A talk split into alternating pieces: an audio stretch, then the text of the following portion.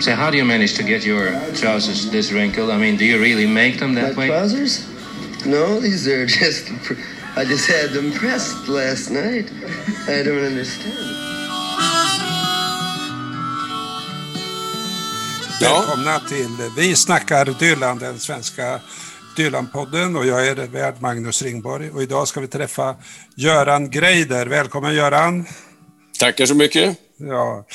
Eh, när jag försökte att få dig hit till eh, och, och snacka klockan tio i morse så sa du att det var inte så bra därför du hade annat att göra då. Ja, jo precis. Ja, Jag låg inkallad för att ta en eh, cellgiftskur där på sjukhuset. Eh, och det brukar ta par timmar. Nu tog det mycket längre tid så att jag fick ju dåligt samvete. Jag var tvungen att skjuta, skjuta på samtalet här. Ja, jag blev helt Eh. golvad va- att du var beredd att, att, snacka nu på eftermiddagen. Så är Ja, nej, form så då? man- Men- Ja, det får man nog säga. Eh, De där kurerna, de, effekten av dem slår till framförallt några dagar senare när det- gifterna har gått ut. Sådär. Eh, och nu är jag van vid dem där också. Jag, det är min sjunde, jag kommer inte ihåg, sjunde kur eller något sånt där. Eh, så man har blivit lite härdad, så man- man vet vad som gäller. Och det är inte så blodigt, det är inte det. det utan det är mest att man blir trött om några dagar. Till en milda grad. Du, du har skrivit en, en eh, sång, skulle jag säga nästan. Jag vet inte om du har sjungit den. Trying to get to Borlänge before they close the door. Ja. Kan du berätta hur, hur kom det där till?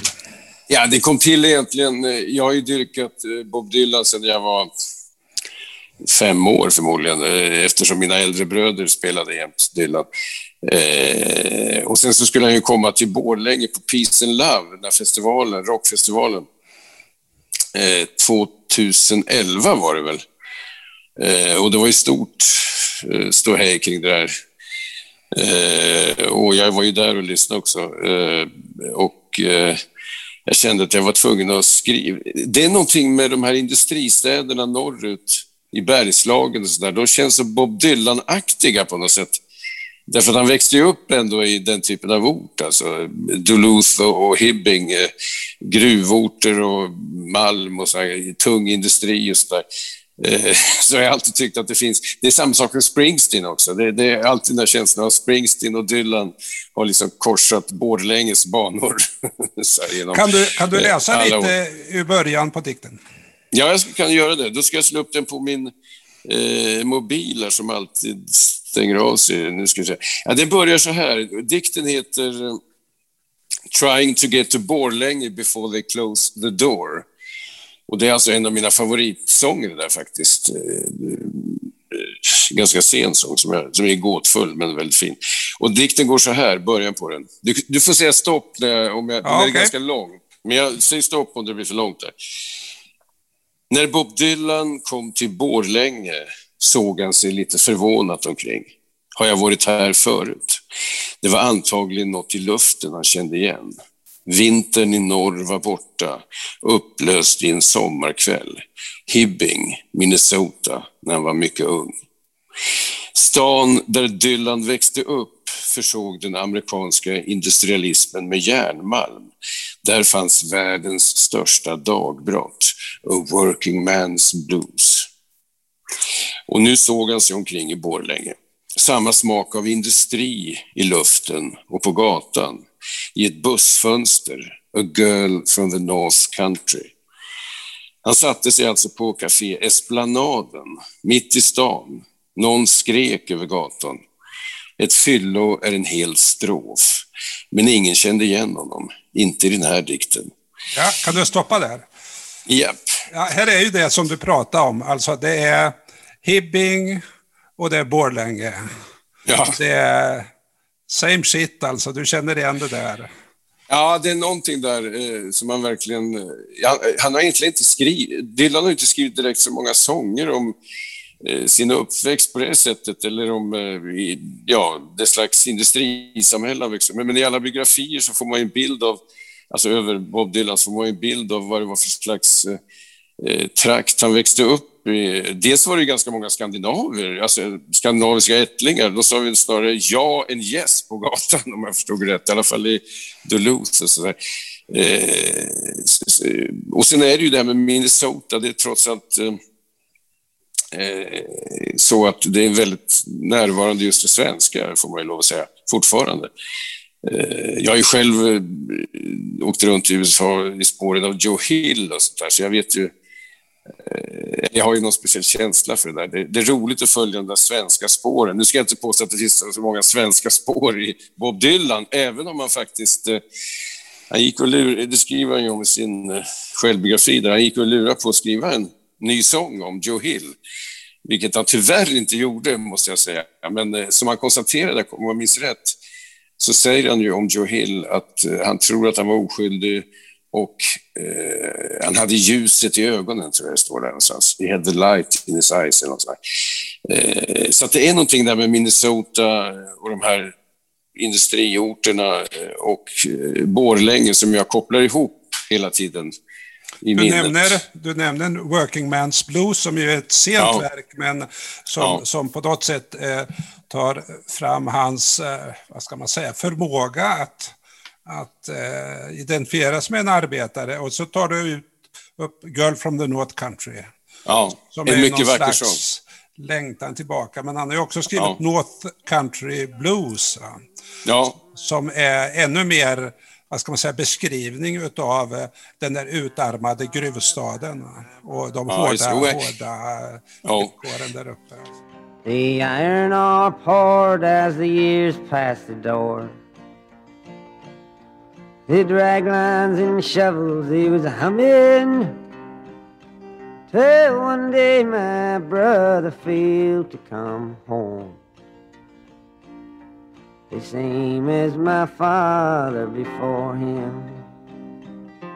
Nej, men alltså, det är helt enkelt så att Bob Dylan, det är väl därför jag också, det är väl en, ett skäl till att jag alltid dragits till honom. Dels den här att det finns, även om det inte är utsagt så förbaskat ofta, så finns det liksom en, eh, eh, en känsla för amerikansk arbetarklass. Och den är ju ofta, har varit förmedlad, kan jag tänka mig, via folkmusiken och eh, stångerna från Appalackerna och bluesen och så vidare. Eh, och det där gör ju honom... Eh, alltså, jag har ju alltid tyckt att Bob Dylan han är liksom en eh, korsning, eh, en mötesplats där det är mass, alla de här influenserna som kommer från långt bort ifrån. Jag menar, eh, Hard Rains are gonna fall, fraserna där har ju rötter i sånger från 1200-talet eller något sånt där. Det, det, det, det, är ju helt otroligt om man tänker. Alltså jag ser honom mer jag tror inte Bob Dylan finns. Jag, kommer. jag tror jag skriver om det i den här dikten sen. Ja, men det kommer sen. Det kommer sen. Ja. men för att, för att gå framåt lite grann, vi ska ju prata om Love Minus Zero No Limit. Ja, ja. Och då nämnde du att det här handlar om hans sätt att skriva. Alltså du vill prata om det och det vill jag också väldigt gärna prata med dig om eftersom du också skriver poesi då rätt mycket. Va? Men jag ser ju hur du gör här i fortsättningen. Jag kan bara läsa raderna. Mm. Du nämnde där, ett fyllo är en hel strof, men ingen mm. kände igen honom, inte i den här dikten. Han hade föryngrats, var tonåring igen, han plockade fram sina cigaretter. Sen såg man honom skriva ord och siffror på cigarettpaketet. Alltså det jag hör här det är, för sen kommer kopplingen till dig, ditt liv och ditt mm. förhållande mm. till Dylan. Alltså att han går omkring i Borlänge, ingen känner igen honom och så föryngrar du honom och så vrider du över där alltså. Kom det där bara automatiskt när du skrev eller hur gick det där till? Ja, det kom nog automatiskt därför att jag satt där i trans, kan man väl säga, inför det oerhörda faktum att Bob Dylan skulle besöka Borlänge. Och, eh, och, så satt jag och skrev där och då blir det ju så att så fort jag säger eller skriver ner ordet Dylan, Bob Dylan på ett papper eller på datorn så, så flammar det upp en massa eh, minnen från barndom och sånt där. Plötsligt kommer jag ihåg hur mina äldre, särskilt min äldsta brorsa, han hade de här tidiga Dylan-plattorna, hur han spelade dem på sin usla grammofon. Du kan läsa ja. ur dikten, du kan läsa ur dikten, men den kommer Ja, jag kan ta, det kommer nog precis efter den någonstans. Ja. ja, det står här, just det. Den första Dylan-sång jag hörde kom från min äldsta brors bärbara skivspelare. Blowing in the wind. Jag minns den knastrande rösten i källarrummet i villan där vi bodde, i utkanten av Vingåker, där allting var just en utkant. Kanske var jag fem, sex år. My wariness amazes me. Och nu minns jag plötsligt det där med att lägga på nålen på vinylen som en mycket exakt och världsförändrande rit. Den svarta skivan skevade under en lite skakande hand och så öppnades en dörr till något helt annat. Den där rösten stannade i medvetandet. Sen dess är den evigt en röst från det förflutna, som från någon avlägsen, mycket legendarisk släkting som ibland dyker upp i samtalen, men som ingen träffat på många år. Ja, vi stannar där. Ja. Alltså, jag gillar verkligen den här dikten. Där, där fångar du ju, vad ska man säga, det sensuella ögonblicket och, och man känner ju precis igen det här med handen på pickuppen och ska släppa ner ja, den där... så man inte raspar ja. för mycket. Alltså förra året så köpte jag faktiskt en uh, vinylspelare. Uh, så nu har jag börjat komma sagt, jag, jag hade en ganska stor skivsamling som jag gav bort då, eh, för länge sedan, idiotiskt nog. Eh, men nu har jag börjat köpa på mig lite och få lite julklappar och så här. Så att eh, om 20 år så har jag, är jag back in business igen. Men, men just den där känslan med att lägga på där eh, eh nålen där, den har ju stannat i medvetandet hos ja, de som är i min eller din eller vår, vår generation. Alltså det, det, det är något oerhört. Det går inte att jämföra med att slå upp en låt på Spotify eller något sånt där. Eh, därför att det är en fysisk handling samtidigt som det är en musikalisk och världsbildsmässig handling nästan. Det, det var ju via grammofonen som man egentligen fick tillträde till, Eh, den globala kulturen helt enkelt. Eh, jag menar, det är inte bara Dylan, det är liksom från Dylan till Led Zeppelin, från Led Zeppelin till, till, till ja, klassisk musik, vad som helst. Eh, och det där är ju, ja det är nog oerhört. För Bob Dylans del var det förmodligen radion som spelade den där rollen. Alltså, det har man ju fått intrycket av när han fick in, skruvade in och rättade in olika eh, stationer från eh, sydstaten eller från Chicago eller vad det kan vara. Eh, det har man ju fattat att det var liksom någon sorts eh, världsbildsförändrande sak där. Jo, och precis som du köper en vinylspelare nu så gjorde ju han för ett antal år sedan de här Theme Radio Hour och då är man ju tillbaka i hans uppväxt precis när han sitter och rattar och skruvar just, och just. har de där blues och country och allt ja. vad det nu är och även jazz. Eh, här har du den här formuleringen om rösten och många som jag talat med säger ju ungefär det. Första gången jag hörde rösten så hände det någonting. Mm. Och så var det med mig mm. också. Och du skriver så här, rösten som från någon avlägsen, mycket legendarisk släkting. Jag tycker det är rätt bra. Ja, ja det, det är en känsla av att han ingår i familj, alltså någon eh, klan som han är medlem av något slag. Eh, där ingår ju Bob Dylan. Alltså. Eh, det är nästan så att eh, Eh, ja, många av oss som verkligen gillar Dylan känner ju att eh, han är mer än en artist. Han är liksom en anhörig på något konstigt sätt. Det är en mycket märklig känsla. Eh, och platta för platta, så man har olika, det är olika tider som passerar genom plattorna. Eh, och jag har ju lyssnat, jag, jag, vet, jag har ju lyssnat av och till konstant på Dylan sen ja, någon gång mitten av 60-talet när man hörde det första gången. Eh, ja, fantastiskt. Fortsätt tio år senare. Ja, då ska vi se. Det måste jag återigen slå upp här, eh, för det stänger av sig hela tiden. Just det. Tio år senare finns han i den stålsträngade gitarr jag köpt. Man hörde honom där inne. There must be some way out of here. Men inte förrän jag blev vuxen tror jag förstod hur opersonlig hans musik egentligen är. Det är en kontinent som sjunger de här sångerna. Möjligen är det Robert Allen Zimmerman, son till judiska emigranter med förfäder i Ukraina och Turkiet som sjunger. Men det är inte Bob Dylan. You got to serve somebody. Ingen vet vem Bob Dylan är. Vi har bara hört alla sångerna han låtit passera genom sig. Robert Johnsons avtal med djävulen i en vägkorsning, Woody Guthries kärleksfulla människor. Fabriksflickorna, allt som är på vandring, nyheterna från 1863. Ja, Inga där. Ja. För här, här har du ju, vad ska man säga, en, en Dylan-biografi, men du skriver det på ditt poetiska sätt. Eh, du tar några Väldigt punkter. koncentrerat. Mm. Ja. Nej, men alltså, jag ser det som så att eh, det är något absolut svårt, svårfångat och häpnadsväckande över Dylans Eh, Eh, ja, vi kan säga författarskap här. Det är verkligen som att han har liksom upplåtit hela sitt jag eh, vidöppet mot alla de traditioner som finns i USA. Och sen har jag, alltså det är inte bara musiken utan det är också Walt Whitman. Jag blev ju väldigt glad när den här senaste plattan kom här, eh, i contain multitudes, därför att då kändes det som en, äntligen hyllningen till en person.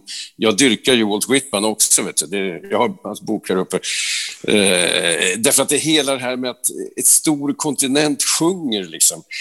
Eh, och det där har jag alltid tyckt att eh, Eh, det blir liksom en väldig paradox där. Å ena sidan är det ju en personfixering vid Bob Dylan, då, även om han inte varit någon kändisfigur på det där sättet. Jag menar, hans privatliv är ändå ganska dolt. Sådär.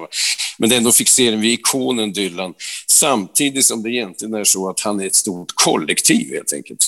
Multitudes. Han är liksom... Och det där är... Han är en del av rockstjärnekulturen i någon mening, samtidigt som han... Allt han gör går helt på tvärs mot det egentligen, därför att han släpper fram allt det här kollektiva.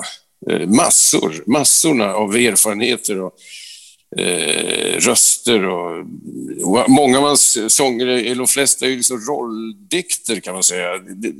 Man, Pratar ja. vi om Göran Greider här nu eller?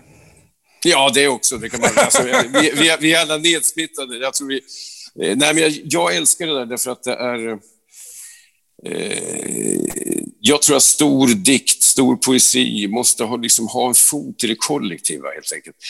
Och det kan ske på många olika sätt och i Dylans fall är det så lyckligt så att det är både det här musikaliska och eh, det stora litterära arvet. Där han ju har dragit in allting egentligen. Jag menar det är alltid från eh, Rimbaud till, till Shakespeare Eh, i alla fall omnämnt och sen beatnikpoeter och, och, liksom, och gamla eh, ballader som härstammar från Skottland och Irland och allt möjligt. Oh, where have you been, Lord Randall, my son? Oh, where have you been, my bonny young man? I've been to the wild with mother Mac my bed soon. For I'm weary with hunting and a fain would lie do. Allt det där är liksom indraget och, och då blir det den här stora Walt Whitmanska eh, sången liksom, som är överpersonlig, nästan opersonlig på sätt och vis. Samtidigt som det är det mest personliga man kan tänka sig därför att hans röst, för det första, bär så mycket personlighet. Och den rösten, det vet ju alla här, den har ju ändrats kraftigt från de första sångerna till hur han låter numera. Ett tag trodde man ju verkligen att det var slut med rösten där. Ja, ja, men jag tyckte ja, ja. och så kommer men, någonting ja, mycket mjukare så småningom. Ja, ja, ja precis. Det, det löste sig. Jag kom, just i Borlänge där var det ju verkligen så att man fick stå och gissa vilka eh, låtar det var ibland. Eh, Eh, och jag, jag kommer ihåg, jag hade min dotter och hennes kompis stående bredvid mig. Och de var väl 14 eller något sånt där. Och de, deras kommentar var ungefär så här, den där mannen är totalt omusikalisk. Ja, ja, ja. Du, vi stannade ganska... i, din dikt här vid nyheterna från 1863. Ja. Och det står bara så, du förklarar inte. Vad, vad är det där? Ja, det, eh, det, det är någon passage där i Chronicles, eh, vad heter den på svenska, självbiografi? Memoarer tror jag den kallas. Memoarer, eh, där han faktiskt beskriver hur han går in på något stort bibliotek där i New York och sätter sig och läser eh, dagstidningar från 1863. Eh, och jag minns inte exakt vad det står, men eh, och det var så typiskt att han, han var inte intresserad av vad som hände runt omkring honom egentligen. Sådär på något sätt. Eh, utan han, var, han ville in i en annan tid, han ville in i gestalter som eh, var med och formade det Amerika som han liksom ändå var en produkt av. Eh, jag tror han skriver så här uttryckligen, han var inte ute efter några nyheter, han ville läsa gamla nyheter. Och det där jag tror att han såg på de där tidningarna som han läste som folksånger helt enkelt. Eh, fantastiska texter, då i form av artiklar som han tog in. Jag minns inte exakt vad han skriver där, men det är typiskt Bob Dylan att han går in en sån väg in i någonting. Sitta och läsa gamla blad från 1863 bara för att, inte ens för någon forskningsuppgift, utan bara för att få tillträde till det där stora kollektivet av röster. Jag tror det är därför han gjorde det. Och det är ju lite grann av, alltså det är väldigt, eh, det finns ju någonting av eh, hela det här med så John Wesley Harding, alltså det finns eh, någonting av 1800-tal Ja, ja visst, visst. eh, hela tiden där, närvarande. Jag kan inte säga exakt vad det är, men det är liksom närvarande i allt. Jag slog upp sätt. vad som hände 1863. Bland annat var det Ja. slaget vid Gettysburg som var vändpunkten i amerikanska inbördeskriget. I Sverige så fick eh, kvinnorna, eh, ogifta kvinnor blev myndiga vid 25 års ålder då. Det var nytt. Okej. Annars hade Ja. de varit omyndiga. Nobel uppfann dynamiten det året. Jaha. Nattvardstvånget upphörde i Svenska kyrkan. Ja, men ganska bra år i Sverige också då. Ja, ja. Nej, men vi tänker Ja, oss alltid att vi lever i en brytningstid. Nu händer allting. Ja, Men jag mm. menar, okej, det här var... Nej, men varje år är ju det är brytningstider hela tiden. Men just 1863 är ju eh, slaget, alltså Gettysburg och hela amerikanska inbördeskriget. Det är ju den stora Alltså det var det värsta krig som då hade utspelats någon gång i historien, tror jag nästan, när det gäller antal döda. Det var ju fruktansvärda. Ola Larsson har ju skrivit en bok nyligen om eh, där, stora, långa skildringar av slaget vid Gettysburg. Eh, och det där har ju fort, det fortsätter ju att fånga amerikansk fantasi också naturligtvis. Och det handlar ju om slaveriet också. Så att det, och slaveriet Dylan har ju skrivit närvarande. också om det där eh, Cross the Green Mountain och han verkar vara väldigt kunnig när det gäller just eh, det där kriget. Det tror, ja, så är det säkert. Verkligen. Men eh, nu har vi bara några rader kvar i dikten. Jag vill höra dem också. Ja, det måste Inga budskap börjar vi på här. Ja, precis. En sekund. Eh, inga budskap, bara denna verkande närvaro av folk och folks stora sammanhang. With your eyes like smoke. När Bob Dylan besökte Borlänge var det sommar och han kom med tåget. Han sov hela vägen. Tåget var försenat. Trying to get to Borlänge before they close the door. När han klev ut på de varma gatorna kände han igen sig. Han ritade en teckning av Joe Hill som han sen slängde. There's a rumbling in the skies. Slut. Tack. Ja. Du, det här eh, titeln och som du kommer till här nu då. Trying Mm. to get to Borlänge before they close the door. Alltså då syftar Mm. du på, hans sång heter ju Trying to get to heaven before they close Mm. the door. Du säger att det är en av hans bästa, varför, varför då? Alltså jag fastnade för den direkt när den kom på den här plattan Time Out of Mind. heter den väl. Eh, dels för att hans röst låter mer desperat i den sången än i någon... Jag kan nästan inte komma på någon sång där han gestaltar en uppgivenhet. Alltså. Om du har förlorat en massa saker så kom ihåg att du kan förlora ännu mer. Ja, den raden är ju bara så underbara. Ja, den, den är grym. Alltså. Den är, och jag minns att den där raden... Eh, och där tyckte jag väl hans röst var extra... extra eh, undergångshotad på något sätt. Det, det, jag, jag har aldrig begripit vad den där texten... Alltså, exakt vad den handlar om. Vi, vi började ju prata om, om sjukdom nu, då, din sjukdom, Ja. men, men 97 så får ju han den här hjärtsäcksinflammationen. Jaha, det kanske Jo, något sånt. han var riktigt illa.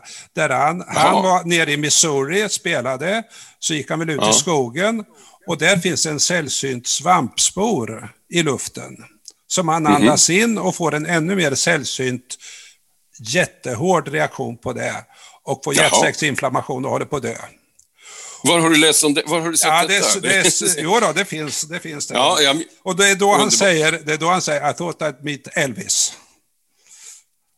Ah, Alltså, Okej, där okej. uppe, där uppe. Mm. Ja. Men Aha, och då finns- tänker man, okej, då skriver han naturligtvis den där låten Trying to get to heaven och han skriver kanske Not Dark Yet och sådana saker. Men det stämmer Mm. inte, därför att de låtarna skriver han i februari 1997. Och den här eh, sjukdomen kommer i juni.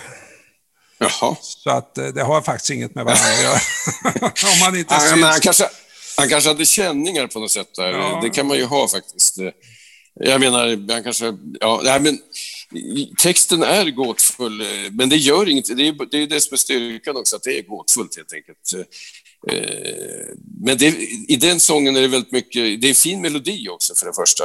Det är väldigt enkel och så där subtil på något sätt och vemodig.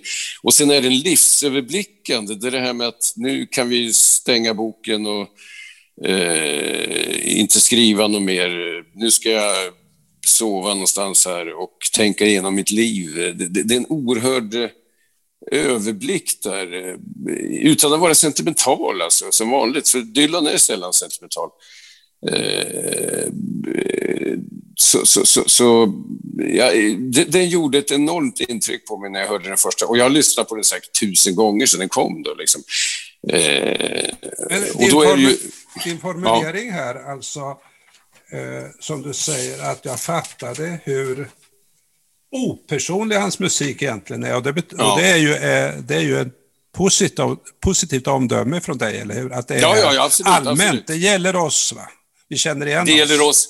Och dessutom, den är opersonlig i den meningen att den består av många personer. Alltså, jag menar, han har ändå skrivit så väldigt mycket om...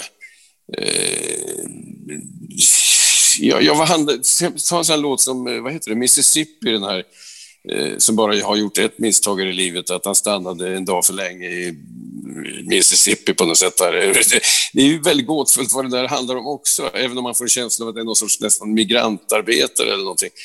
Eh, det handlar inte om honom och ändå så gör det ju det, därför att eh, han har valt det porträttet. Det är någonting i den där människans liv som man...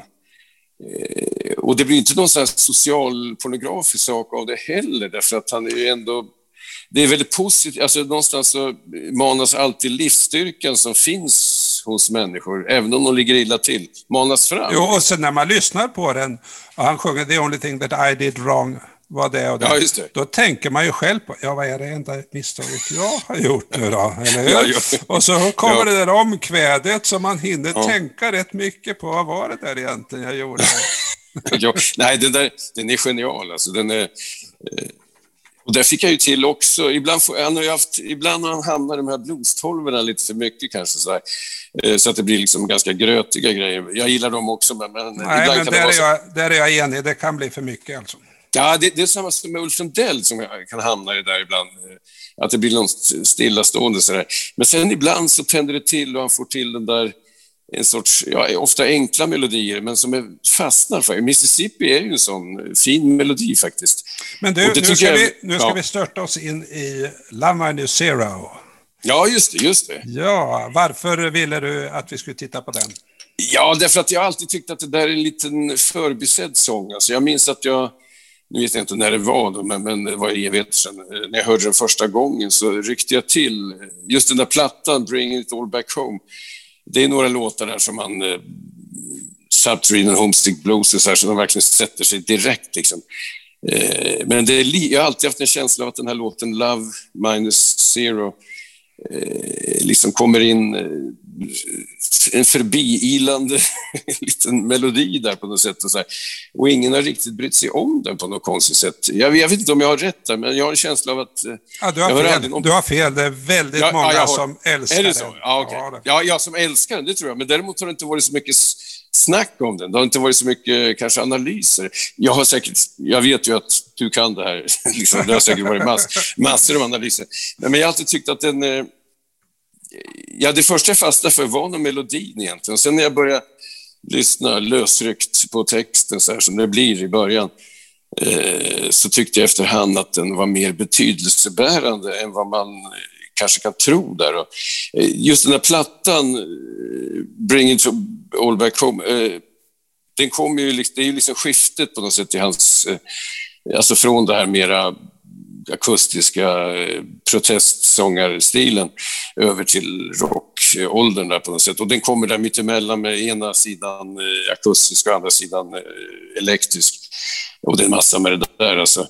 Och där tycker jag nog att den här låten Love Minus Zero, jag, jag kan tänka mig att eh, först uppfattar jag den, och det tror jag de flesta gör, som någon sorts kärlekssång helt enkelt. Eh, han har skrivit massor av kärlekssånger.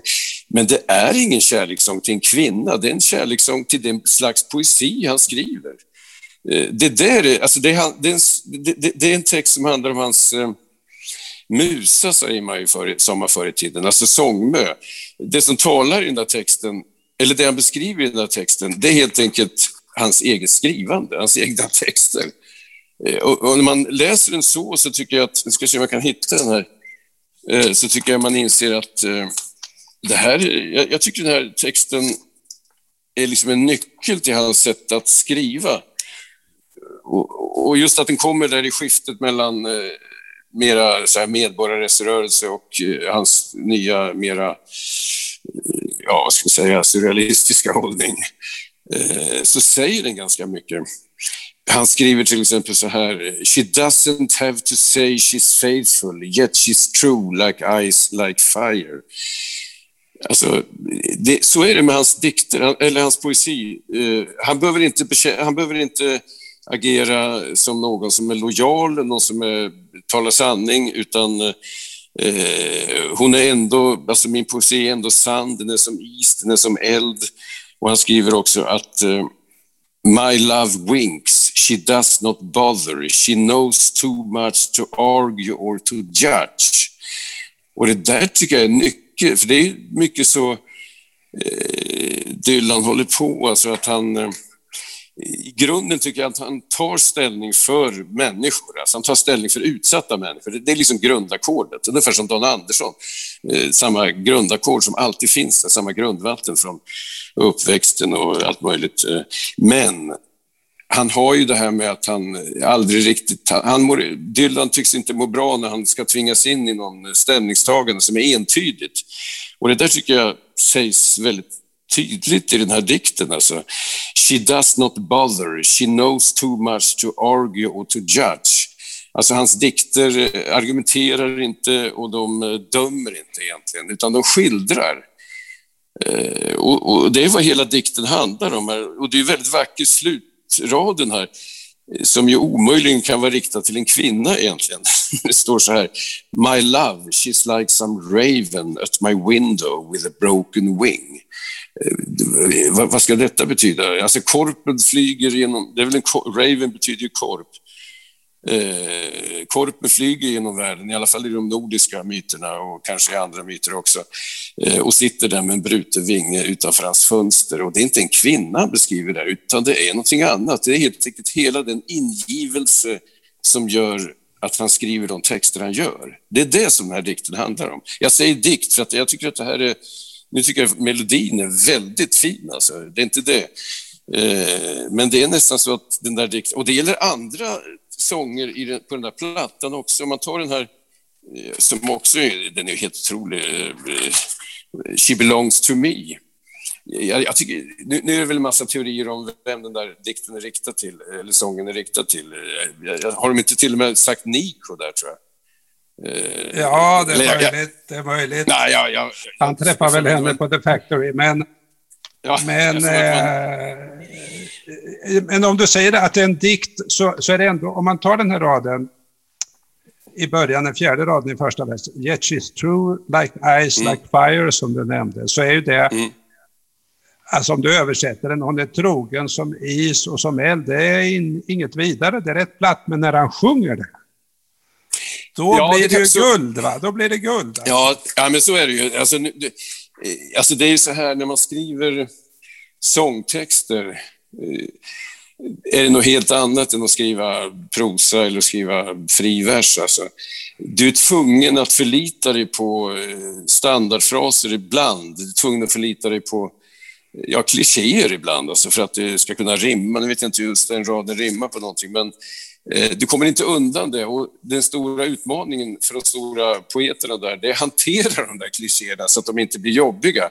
Och det gör ju Dylan på två sätt, dels genom själva övriga texten, men sen också genom sin röst då, och sin melodi, som du säger.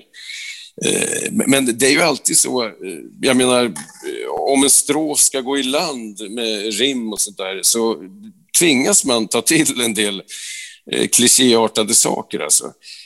Men får jag, eh, stoppa där? För att ibland Ja. så får man ju känslan, okej han kastar in det ordet för han behöver ett rim. Men när han har fire här och så kommer det, rimmet kommer i sista raden där, Valentines can't buy her. Och det tycker jag är Dylans mästerskap, att det är ett fullständigt överraskande rim på fire. Va? Ja, Fire. ja, det måste ja, det har jag inte ens tänkt på här, men det, det har du helt rätt i. Eh, det där är väldigt snyggt gjort här alltså. Eh, ja, det där det, det är glädjande att se det rimmet. Jag har inte tänkt på det. Nej, jag, jag tycker att den där texten... Alltså det är så med... eh, Dylan skriver fantastiska kärlekssånger. Jag menar, eh, min favorit är nästan If you see her say hello. Du vet den här från Ja, ja. Blood on the Tracks. Eh, och den är ju den är så fin därför att den är, trots att den handlar om en, separa, en genomförd separation, så är den ändå inte sentimental, den är inte bitter, den är, ingen- den är upplyst. Jag kommer ihåg att jag lyssnade på den ganska mycket samtidigt som jag lyssnade på Jacques Brel, som jag också gillar väldigt mycket. Då. Men Jacques Brel är ju fullkomligt indränkt i sentimentalitet. Ne me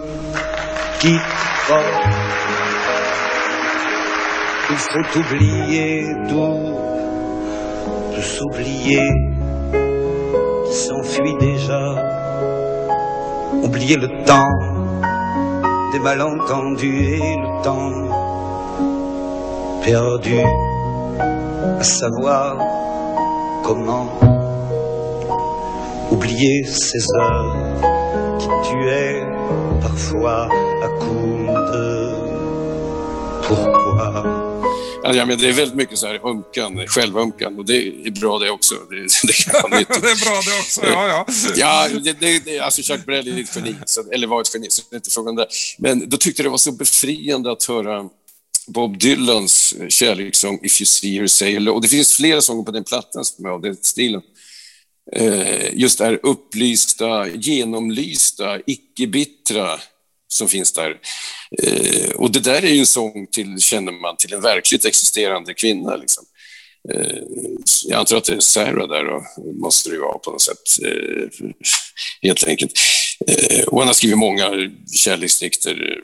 Eh, eh, en av de finaste är ju egentligen, eller det är väl ingen kärleksdikt, det är mer en dikt om åtrå. Det är ju eh, I want you.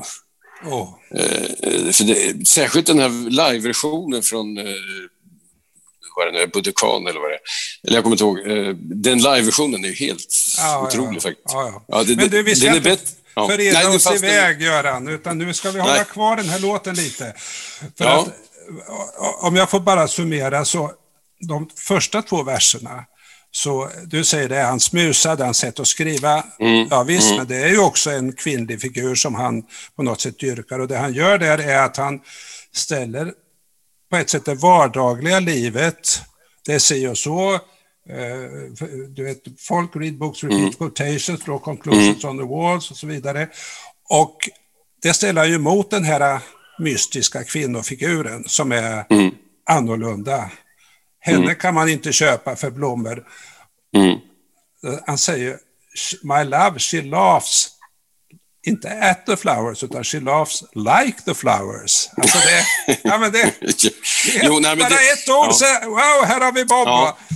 Jo, nej, men det, jag håller med dig där. Alltså. Men, men jag tycker nog att just det här, de här raderna in the dime stores and bus stations, people talk of situations, read books, repeat quotations, draw conclusions on the wall. Det där är liksom vad Bob Dylan hör omkring sig. hela tiden. Han, jag ser framför mig hur han går omkring och avläser vad folk säger till varandra, vare sig det är på radiostationer eller på tv eller i vad folk runt omkring honom. Han, han tar in allt, han lyssnar eh, och så vidare, men han har hjälp av sin sångmö här som eh, också står och lyssnar på samma sätt Eh, men inte dras in i det, utan ser det på ett visst avstånd. Alltså. Och det är det Dylan också gör i sina texter, tycker jag. att han, eh, han kan visserligen gå in i personen, men, men, men eh, han är inte där för att döma eller argumentera, utan han är där för att gestalta. Liksom. Så det blir ett slags avstånd där. Och det tycker jag fångas. Det här är hans helt enkelt politik, den här sången. Det borde spikas upp eh, på alla skrivarskolor eller vad det kan vara. Eh, därför att den är fri från... Eh, även om det, det låter som man dyrkar, faller offer för en väldigt romantisk syn på eh, kvinnor och så, men det är inte, jag tycker inte det är riktigt det det handlar om, utan hans stora förälskelse i livet är nog eh, den där sångmön faktiskt. Och det är ju en förklaring, jag menar, den produktivitet som han eh, har gett exempel på och det här att det liksom aldrig tar slut eh, tyder på att han har ett väldigt gott förhållande till den där sångmön. Så, så att jag ser det här som... Eh, och det är det första exemplet på att han skriver, tror jag, en sån text som handlar om hans poetik. För jag kan inte komma på att det varit någon tidigare egentligen. Sen kommer det lite andra saker Eh, vad heter den där My Back Pages till exempel, som mer handlar om att han blev trött på att vara ständigt politiskt aktivist och sådär. Eh, men den är ju ingen poetik på det sättet, utan det är mer att han vill mäta ut något avstånd mot det han var och det han är nu och sådär. Eh, medan den här sången, den kommer precis i det här skiftet mellan medborgarrätt, ja, som han verkligen var engagerad i, så det är inte frågan om det, eh, och det akustiska och sen den här elektriska rockkulturen. Då kommer den där precis, precis i det skiftet. Och det han säger, det han vill meddela här är sin poetik helt enkelt. Det här är hans eh, estetiska, eh, ja inte testamente, men, men, men eh, proklamation liksom. Eh, om hur poesi kan vara och ska skrivas. Det är det det handlar om. Det slår jag nu fast här offentligt. Nu ska jag vara lite dylanolog här. Alltså det, det man i sista versen brukar associera, det, det är så här då. The wind howls like a hammer, the night blows cold and rainy. My love she's mm. like some raven at my window with a broken wing. Alltså att det är ju, ligger väldigt nära Edgar Allan Poes dikt The Raven. Med mm. det här uh, olycksbådande mm. vädret och så kommer det där korpen in. Och mm. Och, och där tänker jag att, att han gör det en hyllning till Poe. Poe var ju så musikalisk poet. Va? Det var ju rytm, mm. det var rim, det var också en väldigt medvetet sätt att komponera dikt som han, mm. han använde. Så att det, det är nog ingen slump att det finns med här. Nej, det tror jag. Alltså, han var ju, även om han inte var någon eh, framstående akademiker, Bob Dylan, så han var ju lä har uppenbarligen varit en läsare hela sitt liv. Tidigt alltså, så att Edgar Allan Poe är säkert, jag vet inte om han har skrivit om det i övrigt, så här, Poe, om han dyker upp. Det gör han säkert, det kommer jag inte på något på rak arm. Men ja, du har helt rätt där. Jag, jag tror att... Han har någonting med Rumorg Avenue i en, eh, alltså eh, Poes första kriminalhistoria var ju mordet ah. på Remorgue och det finns med i en av de tidiga låtarna. Ja, just det. Just det. Ja, men det, det är säkert så att Poe är närvarande. Eller det är helt klart att det nog är så. Alltså. Eh, och det stärker ju nästan min tes här, tycker jag, i och för sig. Då, att han i på slutet här eh, anspelar på en av de stora amerikanska poeterna. Det var ju också en amerikansk, det glömmer man bort att han var, även om han inte var så amerikaniserad i sitt skrivande Poe, så var han ju en amerikansk en av de stora i början. Liksom. Eh, även om han var mer brittisk på något sätt, eh, på. Eh, men det stärk, jag tycker nog att det kan stärka att han avslutar sin poetik här, sitt litterära yttrande till världen med att anspela på en poet. Eh, det tycker jag stärker eh, min tolkning av den här dikten, eller texten. Men den mest gåtfulla raden i den här sången, eh, för mig i alla fall, det är i, nu ska vi se, ja det är också i fjärde, eh, i sista versen ja. Eh, mm. Då, då, låter det så här, the bridge at midnight trembles, the country doctor rambles, bankers nieces seek perfection. Den är väl märklig. Bankers nieces seek perfection.